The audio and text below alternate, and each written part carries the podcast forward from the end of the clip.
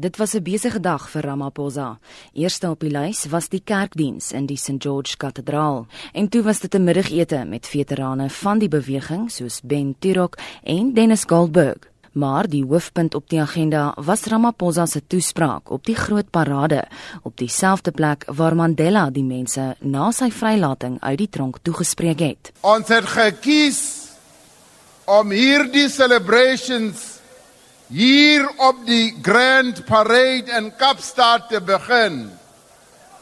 Want dit was hier dat Madiba 27 jare in die tronk sy eerste woorde aan die Suid-Afrikaanse volk gepraat het. Ramaphosa is nou die president van die ANC en hy het met ander uitdagings te doen. Hy sê die nasionale uitvoerende komitee van die ANC sal later vandag vergader om oor Zuma se toekoms te besluit. The successful resolution of this matter has great significant consequences for the country and for the African National Congress. It is therefore important that we should manage these discussions that are currently underway with care and purpose, ensuring that we put the interests of South Africa first. It is therefore important that we should draw deep into Madiba's wisdom.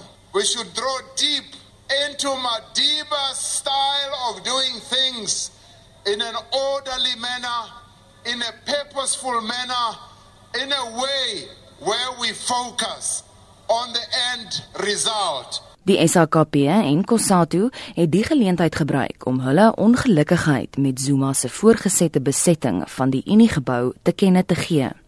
Kosatu se tweede adjunk president, Zingiswa Losi, sê die ANC moet die kwessie hanteer. We want the African National Congress that is going to put the issue of jobs at the center of their own mandate.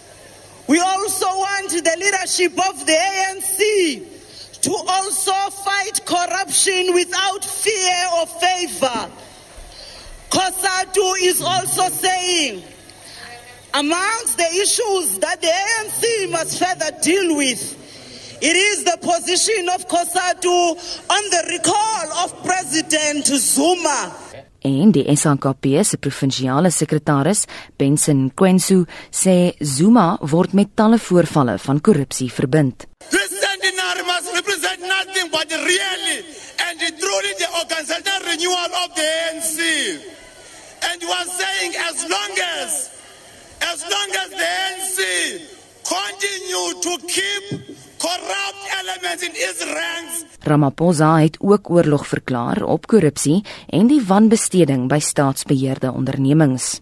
Hy sê diegene wat skuldig is, moet tot verantwoording geroep word. Nelson Mandela was totally committed against corruption, against theft, against the robbery of the assets of our people. We will continue with his legacy of fighting corruption and making sure that those who are corrupt and steal from the poor are brought to justice. That is what Nelson Mandela would have wanted. Dit was die president van die ANC, Cyril Ramaphosa. Hierdie bydra van Amos Pago van ons politieke redaksie. Ek is John Marie Verhoef vir SAK nuus.